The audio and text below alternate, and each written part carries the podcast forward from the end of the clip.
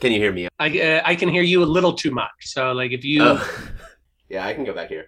yeah yeah if you could just like uh, head back to Massachusetts. Yeah, that works. Yeah. No, you sound great. Well, I'm not a crook. Welcome to Presidential Deathmatch, the only presidential debates that matter. Today's headlines Redactions are the new retractions. Dennis's careful selection process, and this is the best podcast you won't be able to understand. Today, we explore the diplomatic skills of Dennis Serrette, Alf Landon, Wendell Wilkie, and Hillary Clinton using a Reagan Mondale style debate because we're all pretending like we don't know what the outcome is going to be. All that and more on today's Presidential Deathmatch. Yeah, because cause I feel like we all deserve a lot of blame for what's happened over the last week or so. I, I think it's really true. This is you. Uh, I really don't know. Well, we'll get into it. Uh-huh. Let's begin the show, and then and then Oh, we'll let Anchor fly. And so is other fun facts. Uh, very neat. You seem to know a lot more than I expected you to. I'm gonna I'm gonna look a fool in this episode. Welcome to Presidential Deathmatch, the show where the presidents are made up and the deaths don't matter. Uh, we are joined, as always, by Andrew Stout. Andrew, how are you doing today? I'm doing very well. It's great to be here. It's great to see you, As and always. as always, every single week, and Dennis Budde as well. hey, Hey. uh, happy to be joining this week. Yes. Uh, so we've got. Uh, well, if if I sound weird, it's because I was called into work by surprise, and I'm recording this in my not normal setup. But today we're going to talk about uh, the concept of diplomacy.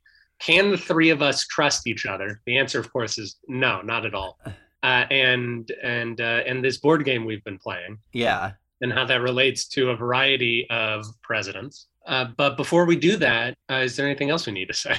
I I uh I don't know. I I feel pretty good on that. I think uh the the game the thing that baffles me the most right now is that Germany and France have kept like they've decided they're the great powers so we'll team up to kill everyone else. And they're succeeding. They're Uh, succeeding incredibly well. they are really destroying us. Uh, before we we talk about the state of play and in this game of diplomacy, uh, we can briefly go into retractions.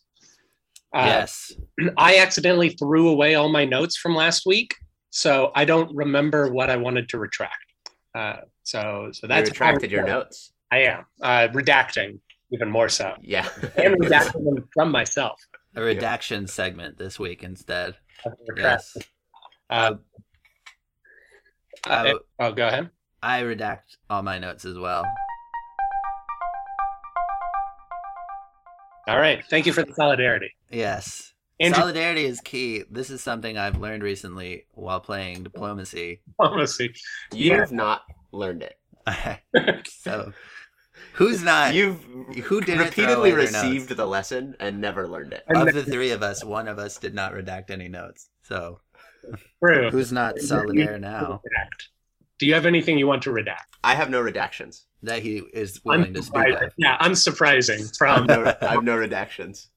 and before we begin, let's also talk about the the candidates that we're discussing today. So, Dennis, you have chosen a man named Dennis. It's it because his name is Dennis. Yes. Um, Dennis Serretti. Serretti, I, I'm Italy in this game we're playing, and Serretti sounds pretty Italian to me, though he is a black man. He was, uh, it says on Wikipedia that he was born in the 40s, and that he's, it says that he's presently Alive? he's- It says at present he is the president of the United Association for Labor Education, but, you know, that could be outdated. Yeah, So he's alive and well. we and yeah, unless unless turns out he isn't.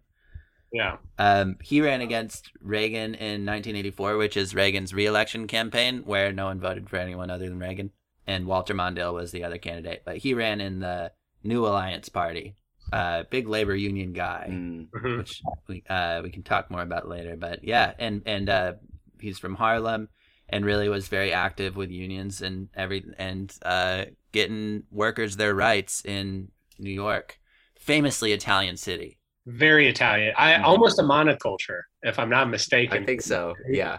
Not like 99% Yeah, Italian.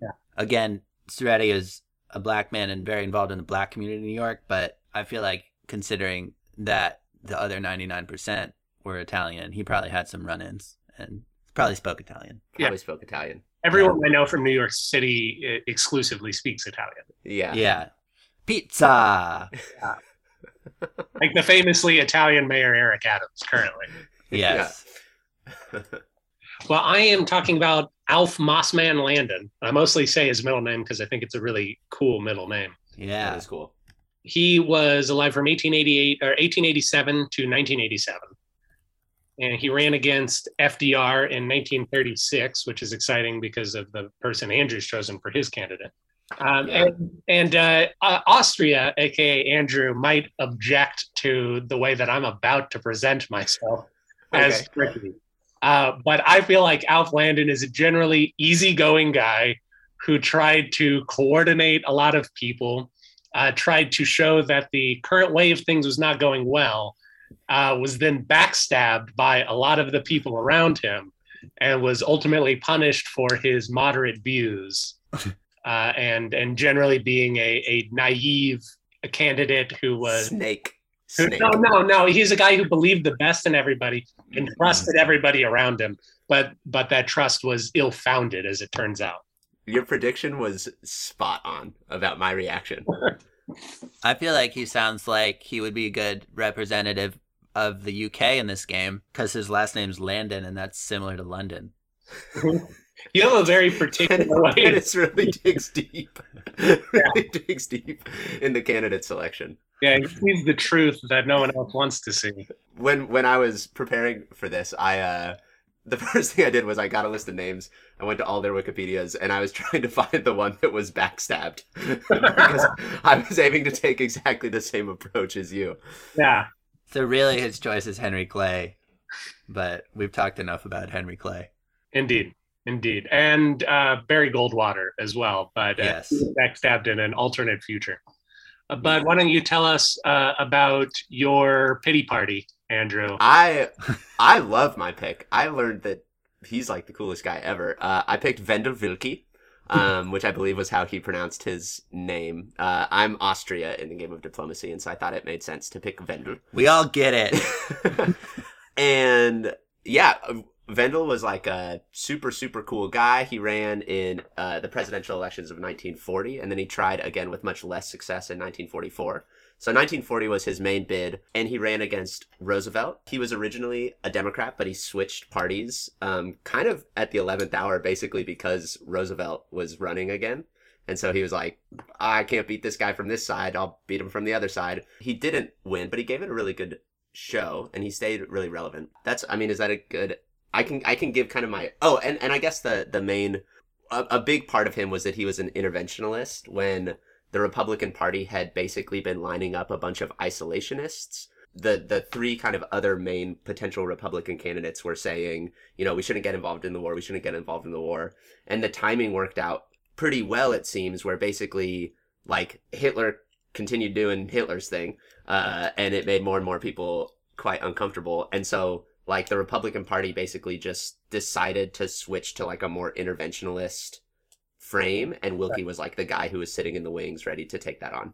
Just because I assume you're going to insist on your pronunciation for the rest of the episode, I'm going to say that a lot of people might more traditionally call this man Wendell. Vendel Wilkie.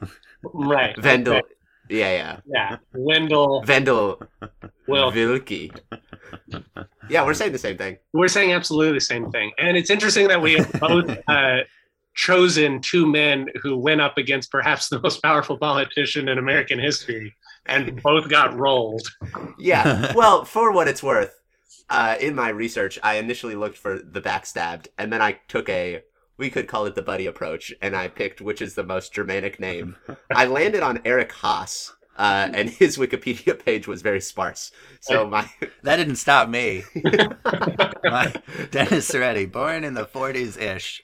I like that yours, um, like it's a sparse Wikipedia page, and yet you're still distrusting of the minimum information, minimal information that it gives you, namely that he's still alive. I mean, the lighter the Wikipedia page, the more distrustful That's one should true. be. That's true. That's right. Uh, so Oh, let's, let's talk diplomacy really quick. I'm sorry, Dennis, go ahead. I'm just saying one point for me. I totally won that mini debate that Andrew and I just had about Wikipedia pages. I I will support Andrew, so he continues to hold in the debate. unfortunately, Damn it. I will take Budapest. diplomacy. Is, yeah, yeah, I've noticed. Uh, diplomacy is a good thing invented in the 1950s. Andrew Dennis and I, as well as previous guests, Ty and Craig, as well as two people I have never met and have grown to hate, only referred to as France and Germany. We Uh, call them the townies because Yeah. they lived in town growing up. Oh, so these are some upstate New York people we're playing against. Yeah, All right. So friggin' townies. The we're playing a board game. We're playing a board game online where we are trying to conquer the world, but the way that the game works is that you really need negotiation in order to succeed at anything.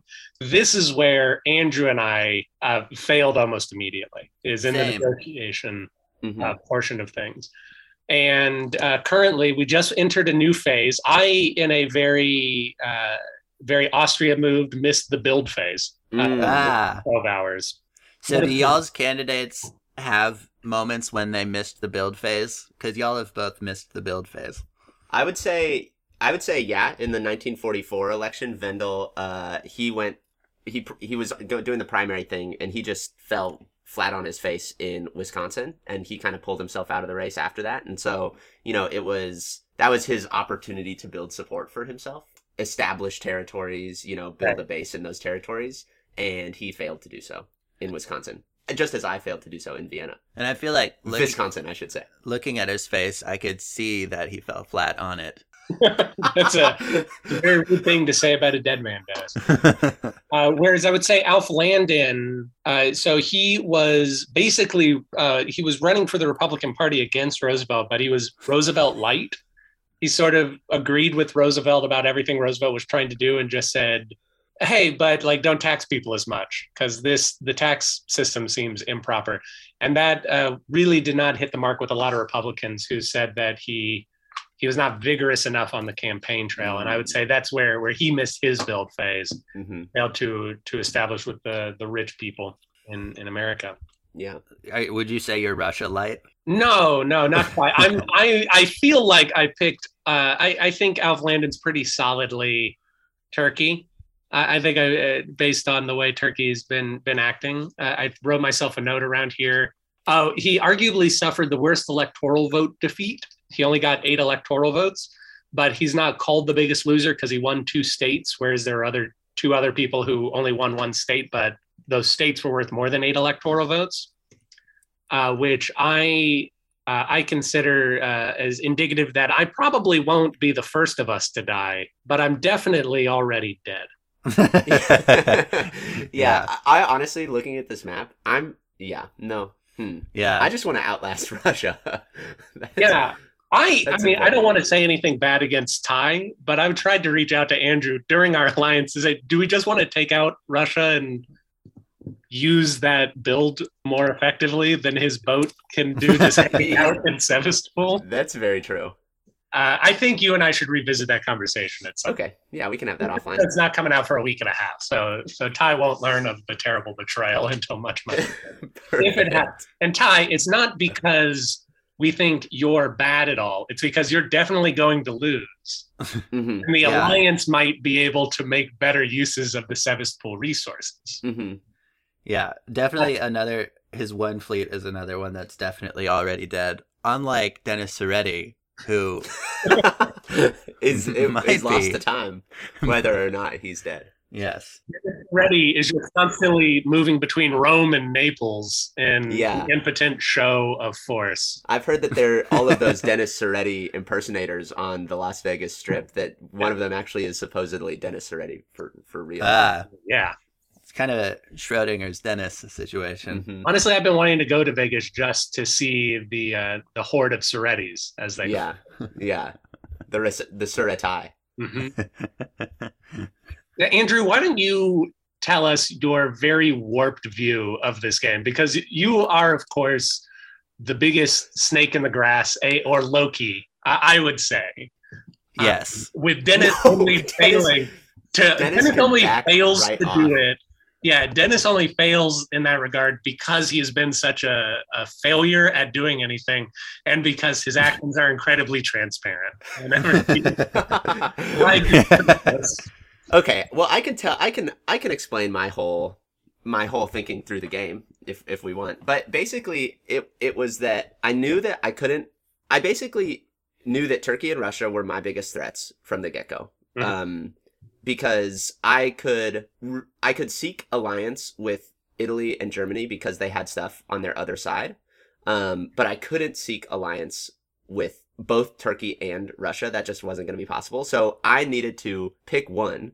I knew that if Turkey and Russia allied, which I think is what happened, that I was going to lose the game. I don't think that there's a way that I think it's really, really hard for Austria to win if Turkey and Russia team up. Mhm. And so basically, I had talked to both you and Ty about forming alliances. Um, I had agreements from both of you, and I decided that Russia was getting the most rap from others. Like there were all those other texts, um, threads going about taking on Russia. And so I thought, okay, it makes the most sense for me to ally with Russia because they have all of these other people working against them. So they won't get too strong in our alliance. But basically, Russia had just done the same thing with you, which was always a risk. And I did the same thing with you, and my plan was always to stab you in the back. You you were my selected enemy from the start. Right. Just Yeah. because of all of that different calculus. And I think what really screwed me over was that Dennis couldn't keep his grubby little mitts out of Trieste. Um, and I for, I missed a I think a really critical build phase. You you Twice. really did. The Twice. first phase, uh, it was it did not help you at all. Yeah. I, my- on the other hand, very much wanted an alliance with Austria to go against Russia, and then Austria turned around and stabbed me in the back immediately, and I tried to give you the benefit of the doubt, and then he stabbed me in the back a second time. Well, because I made my I made my choice and I stuck with it, just like Right. Willem Willem Vendel Wilkie Vendel Vilke. chose to remain an interventionist. Yes, exactly. Except he did switch at the eleventh hour to the Republican Party, and here we are. In I would say a, a, fr- a fruitful alliance, What was his uh, party before that? Democratic. Okay, that makes sense. Yeah. So it is similar to you kind of saw Russia and Turkey as the Democratic Party, the Republican Party, and you decided you had to choose one of them because you have to choose one of the big parties if you're ever really gonna win. Exactly. And then you And I- and then you switched And when I think and I think I just I picked I think I just picked wrong. I think you're right, Aaron. Yeah, uh, it's Because- okay. apology accepted. because I think I think what I realized is while I was more intimidated by Russia to my northwest crashing down on me, I did have a lot of support from Germany there, and I should have been more worried about you Doing what I stab- thrusting into my underbelly, which is what you did. Yeah. The real problem is that you're only looking to your right when you should have been looking to the alt right, e.g., Germany, who have now taken over everything. No, Germany were Germany and I were. It was a oh, it was a beautiful alliance for so long. Yeah. and then I betrayed him. I was in an alliance. So actually, You I, were never in an alliance. I can You were describe never in an alliance. my situation in terms of Dennis Soretti's history. Please so at the beginning, I was just hanging out peacefully on my own in Little Italy, um, being a union activist, e.g., trying to act no. to make unions happen. Um, and then, and my name is Dennis. And, Uh-huh. and then, um, and then this uh, pro socialist party reaches out to me, and this dude named Max Wiener. I was also recruited to form an, uh, the new alliance because it's the new alliance party uh, by a total wiener named Andrew. and then was like, I don't like him. And then I was recruited to a new alliance by a dude named Diamond Stone, e.g., France. And then we did have an alliance the where, dwarf leader, we- Diamond Stone. yes, where we agreed to not attack each other. And that was completely fruitless for me and very fruitful for France. Much like the new alliance party was clearly using me as a pawn. And so then after I ran for president in 84 and it didn't really get me anywhere, I left because I thought the party was really questionable. Hmm. and struck out on my own against the greatest tyrannies, e.g., the New York Telephone Company. Before before we Yeah, talk about points. who the New York Telephone Company is in this metaphor, are Max Wiener and Diamond Stone real people, or are these nicknames of people we're playing diplomacy with? Because I really don't know the names of France and Germany. They're real people. It's Matt Weiner and Zach Diamondstone. no. it's an incredible coincidence. Uh, they were like unionist people in like Chicago and stuff, trying to who were led the new alliance party, which like had three runs at president, like in presidencies, and in in '88 they actually got all 50 states on the ballot, and it was with a black woman. So it was the first time that a black woman was on the ballot in all 50 states. Very cool. That's cool. Yeah, Uh, now, explaining the game from my perspective, Turkey starts in the southeastern part of the map, relatively isolated, in a decent position. Uh, but much like Alf Landon, I failed to launch uh, early on. I did not seize the day uh, with with my war campaign or Alf Landon's actual campaign. And although Oh. I campaigned vigorously and tried to desperately fight my way out of the southeast, I have been stuck in the surrounding African oceans for for much of the game. For much of the game. yes. You, I, mean, you, you're third best right now. You know.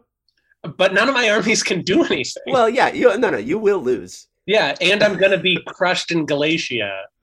Yeah, that's you're you're pretty surrounded. I'm a very petty player. Unlike Vendel Vilke, that's our one difference. This dude was an all star. Yeah, he was a. he seemed, uh, despite what Dennis said about his face, he looks trustworthy. Very trustworthy guy. I have a lot of fun facts to share. I don't. I I run through mine. You're sort of spent on Dennis Serene knowledge. Well, I will say that he was he really uh he really judged people by their character and he stuck to only people who who he felt really cared about make about, you know, people workers getting their rights and I think that's same for me and that's why I'm losing in this game because really it's about heartlessness and lying and that's just not the no, Dennis you're way. losing in this game because you were very obvious about trying to foment distrust, and you Mhm. did not offer anything to anybody.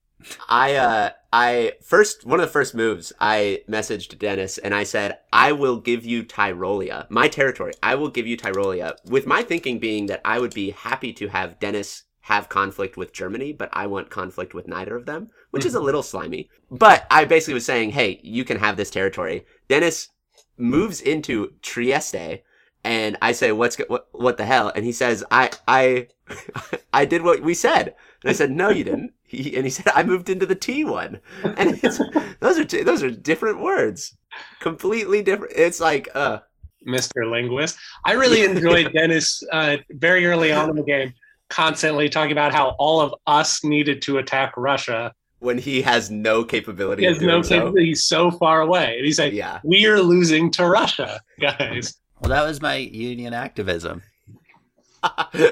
That was your New York strike against the telephone company. Yeah, which was successful, I might add, or will be next turn.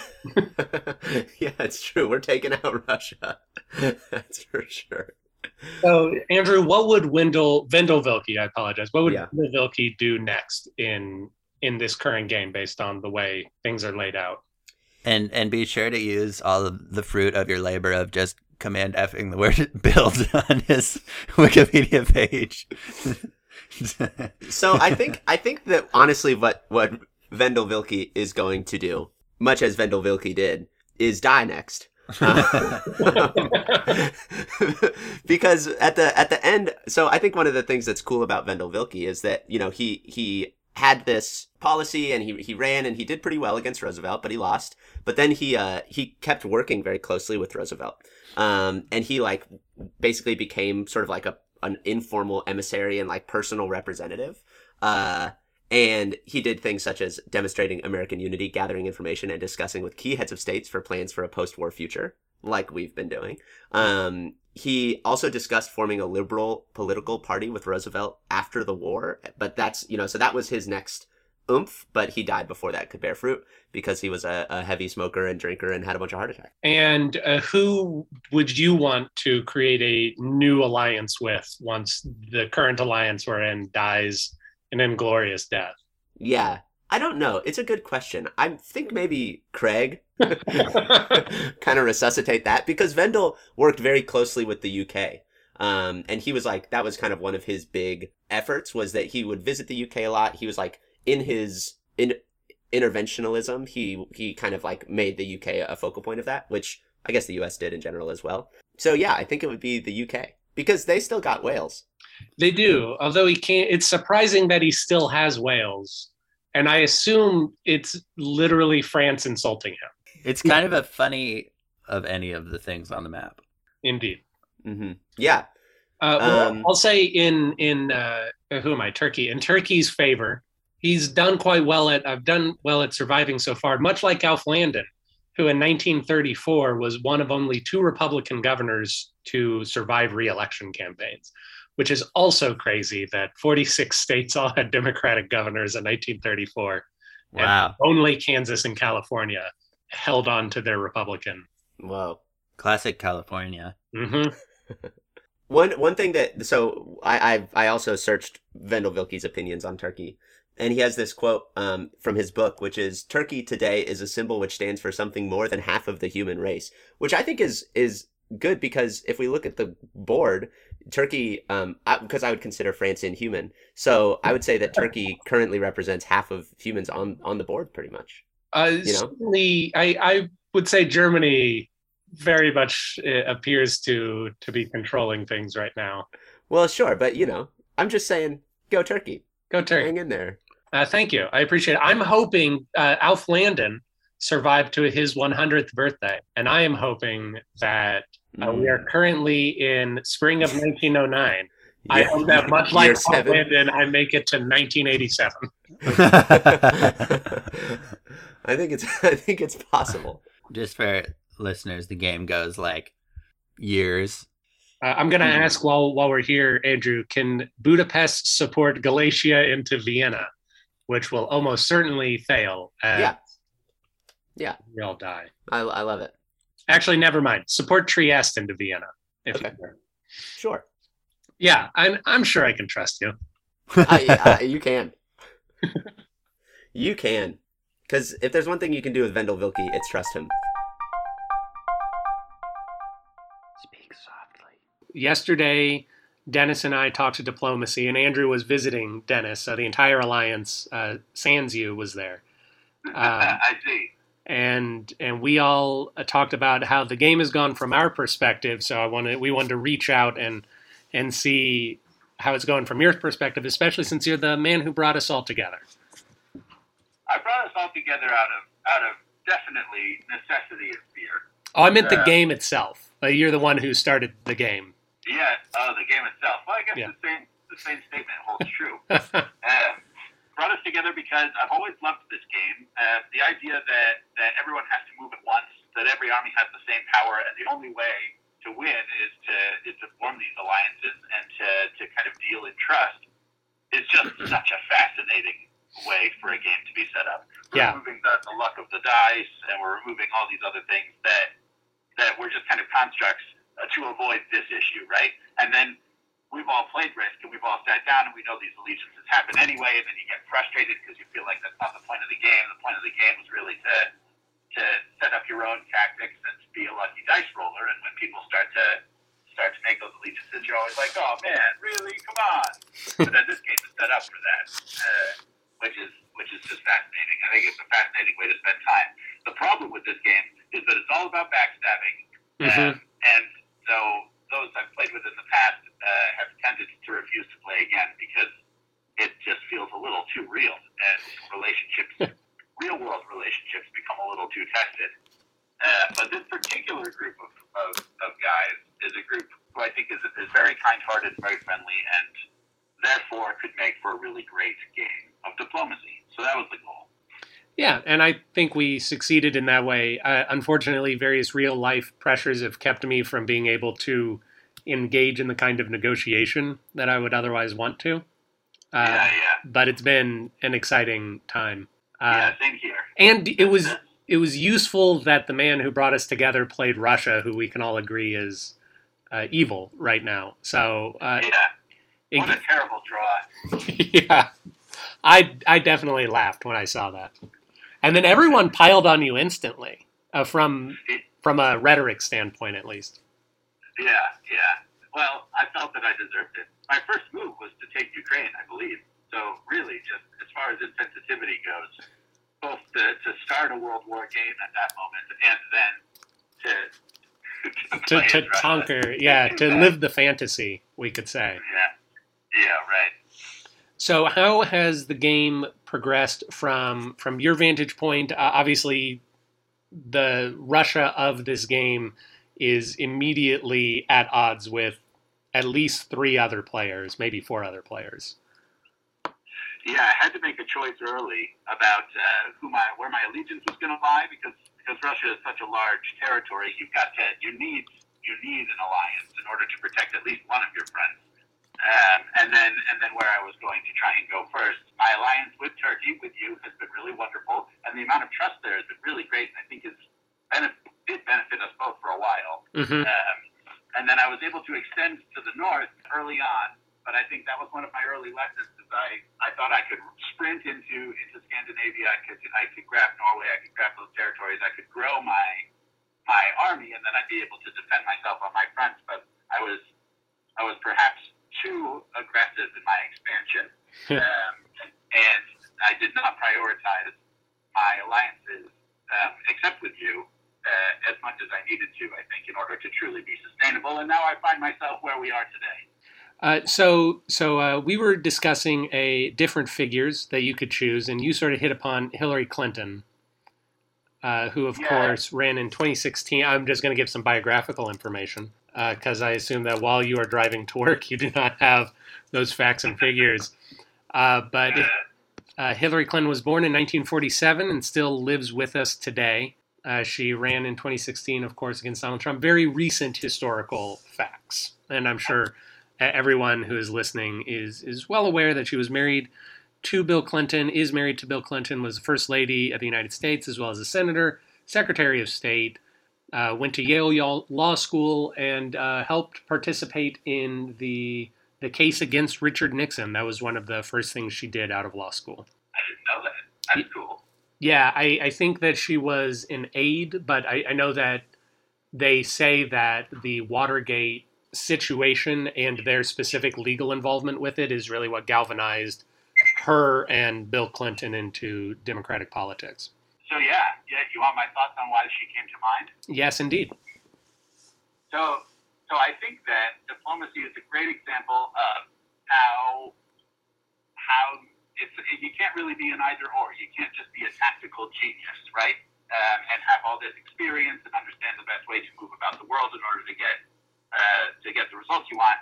You also have to have a certain. You have to deal in trust. You have to be able to build trust with people. You have to be able to build relationships with people, um, and you have to be able to communicate some sort of trustworthiness broadly. Um, and without both of those things, I don't think you could really win. And Hillary came to mind because, and and you know that I'm not a political person or a very political or, or, or very read up on these things. So what you're getting is the popular news of, of what I understand the situation to be. But the situation, it seemed to me, is that you had Hillary Clinton, is a very, very qualified candidate from a resume standpoint and very tactically smart because she's done these jobs. She's she's played the political game. She knows how to play it. She plays it very well. Uh, but then she had to be able to to build a sense of relationship with a broader American population, um, and wasn't able to do that, uh, which is interesting because we, I think, often complain about the president that you can get a beer with and how problematic that idea is, even though it seems to always kind of play out that way. And I think diplomacy, even though it is just a game between folks, uh, kind of represents the importance of both of those issues, where you really have to like even even if I had played, if I had expanded not quite as quickly as Russia, and I had really been uh, like tactically a little smarter in the beginning, I think uh, I think the only way for me to truly survive would have been to really build trustworthy relationships, which in that kind of situation is really hard to do because we're all pitted against each other from from the jump. And Right. Anyway, so she came to mind for that reason. I don't, I don't know what you think about that, though. No, I think all of that's uh, all, of that is definitely good thoughts. I, I don't know that we've ever talked on the podcast about my particular thoughts on the the whole president you can get a beer with, uh, which which is not uh, when both of us are at compromised recording standards is not the best time to discuss it. But suffice to say that I, I sort of take the negative opinion. I, I do think it's important that That a person uh, feels as though their leader understands and cares about their problems, which is really what I think the heart of that get a beer with. It, it's someone you can spend time with, and and Hillary Clinton did not uh, cultivate those relationships easily, which which was a, a negative. Although I don't think it should have been a critical uh, failure. She even the Clintons. I, I think in the past on this program when we've talked about Bill Clinton. We've talked about how even back in the early 90s, they were seen in that exact same way as people who were kind of rolling into town from Arkansas, not caring about precedent, not caring about relationships, just kind of saying, no, we won, we're here, you're going to do what we say, a kind of arrogance to them. Uh, and that has been something that has dogged her her entire professional life. And uh, a lot of people say it's because of sexism in the sense that this sort of behavior, uh, we would be much more okay with it from a man. See Bill Clinton. Uh, although Bill Clinton is kind of excellent at that retail politics angle. Yeah, right. That was a big part of his thing. Yeah. Uh, but much like you trying to expand too quickly into Scandinavia, uh, Hillary Clinton ignored Pennsylvania and Michigan at her peril and, and was uh, putting resources into trying to get Texas in play, which uh, she was never going to win, Texas, Yeah. uh, as we now know, unfortunately. Yeah, it's a, a good lesson, I think, because that sort of strategy only works if you're always going to be playing from a position of strength. And I don't know that any of us really get to enjoy that kind of luck for our entire careers. But thank you so much for checking in, Ty. Are there any final thoughts either on diplomacy, on uh, on Hillary Clinton, or any retractions or redactions that you may want to throw in there? Retractions, redactions, I don't have. My closing thought is that it's very important to spend time with people, and and that's why why games, board games, games of all kinds are are I think important. Um, and I and and I, and I think it's the underlying importance of, of our work and everything as well that often I think gets left to the side for conquest, whatever that looks like. And I think diplomacy is a nice reminder of that, the people that matter more. And I'll leave you with that. Well, thank you very much, sir, and I hope you have a wonderful rest of your day. Can I do give some more facts about Vendel that I don't know if I'll be able to work in in a clever way, but I want to share? Yeah. Okay, just to kind of further make my case here. So Ven- Vendel Wilke, his family history. Uh, his father was uh, born in Germany, and his mother was born to German parents. And those German parents, their parents, participated in the German revolutions of 1848, the March revolutions. Vendel Wilke has a family history of standing up to Germany, which I think uh, is cool and fits. And then he was just a very principled guy, and his whole family was very principled. I mean, there's that history of the revolution, uh, which was basically like demanding a constitution for Germany. Um, and his parents were abolitionists who moved states when uh, the Kansas territory opened itself up to slaves. So they really put their monies where their mouths were on that idea. He was like a really big civil rights person, just like pretty early on.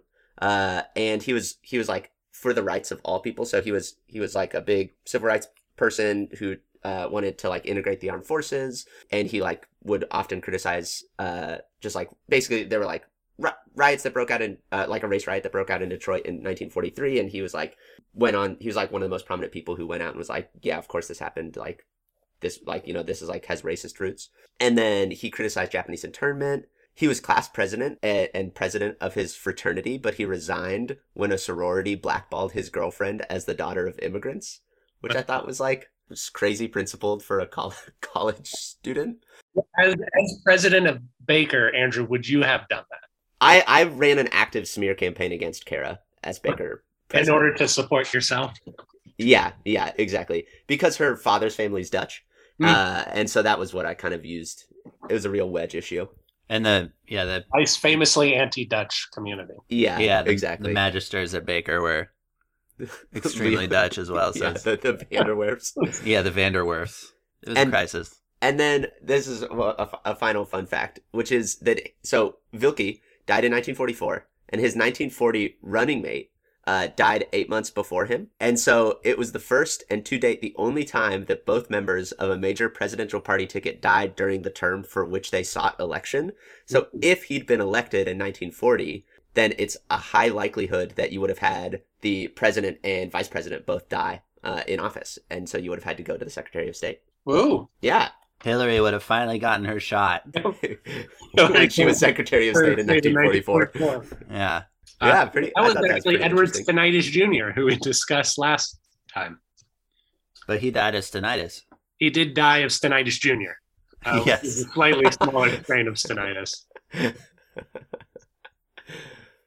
Yeah. Uh, one interesting thing I found out since you said uh, Mr. Vilke opposed Japanese internment. My my guy Alf Landon, he ran his running mate was a guy named Frank Knox, who, despite running for vice president on the Republican ticket, somehow found himself in 1940 being appointed as Roosevelt's Secretary of the Navy. I assume in some form of bipartisan support. And Frank Knox was the guy who spearheaded internment of the Japanese. So it's probably a good thing he didn't become vice president. Whoa. Uh, I'd say all all around. Also, Alf Landon. Another example of our two nations having one with kind of a moral, a really solid moral footing. well, now this is Frank Knox, not Alf Landon, because I was Okay. going to say Alf Landon refused a position in Roosevelt's cabinet because he asked Roosevelt to guarantee that he wouldn't run for a third term, and Roosevelt Mm. wouldn't do it. So Alf Landon uh, backed away from a cabinet appointment. Uh, whereas uh, Wendell Wilkie, instead of supporting his party, decided to bolt when it became clear that he would not be able to accrue power. Yeah, but isn't such a big issue uh the entrenchment in our parties? I listen to the pod, okay, and I know your stance on that, and I know that you admire people who separate themselves from party and are willing to stand on their values and their premises and their their their Indeed. pref- You are yeah. people who separate themselves from the party, like Alf Landon, who Yeah. in 1912 supported the Bull Moose Party instead of the I- Party, and in 1924 supported the Progressive Party. I Dennis don't trust any man made of moss. That's what it comes down to at the end of the day. Andrew Stout famously against Moss people and the Dutch. One and the same.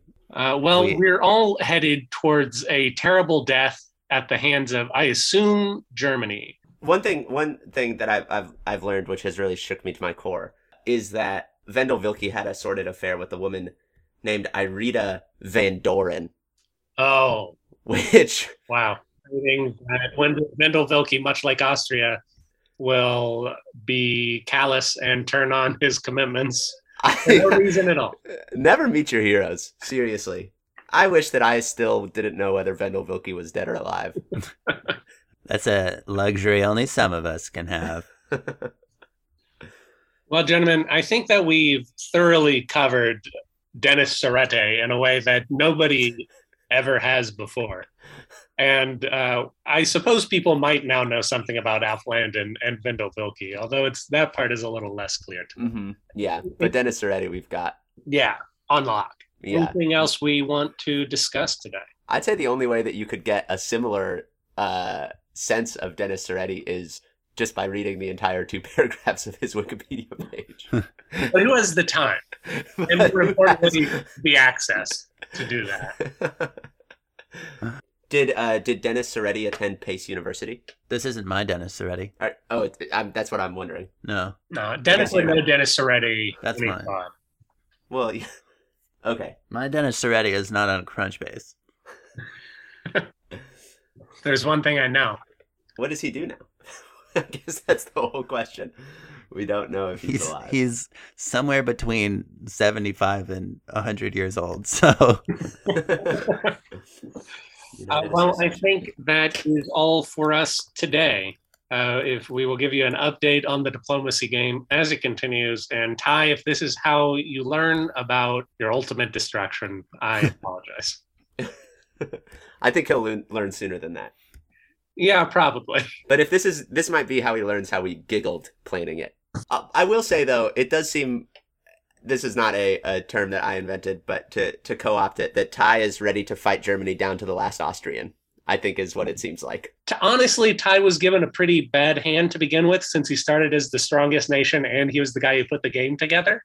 Mm-hmm. And I think we're all very comfortable attacking that person. And he was Russia. And he was Russia. Yeah, So he he had he had no chance. I've had so much fun. I want to play again. I also want to play again. Yeah. He was the Henry Clay. Fair enough. Well, until next time, everybody, please betray each other in the most surprising ways possible. Amen.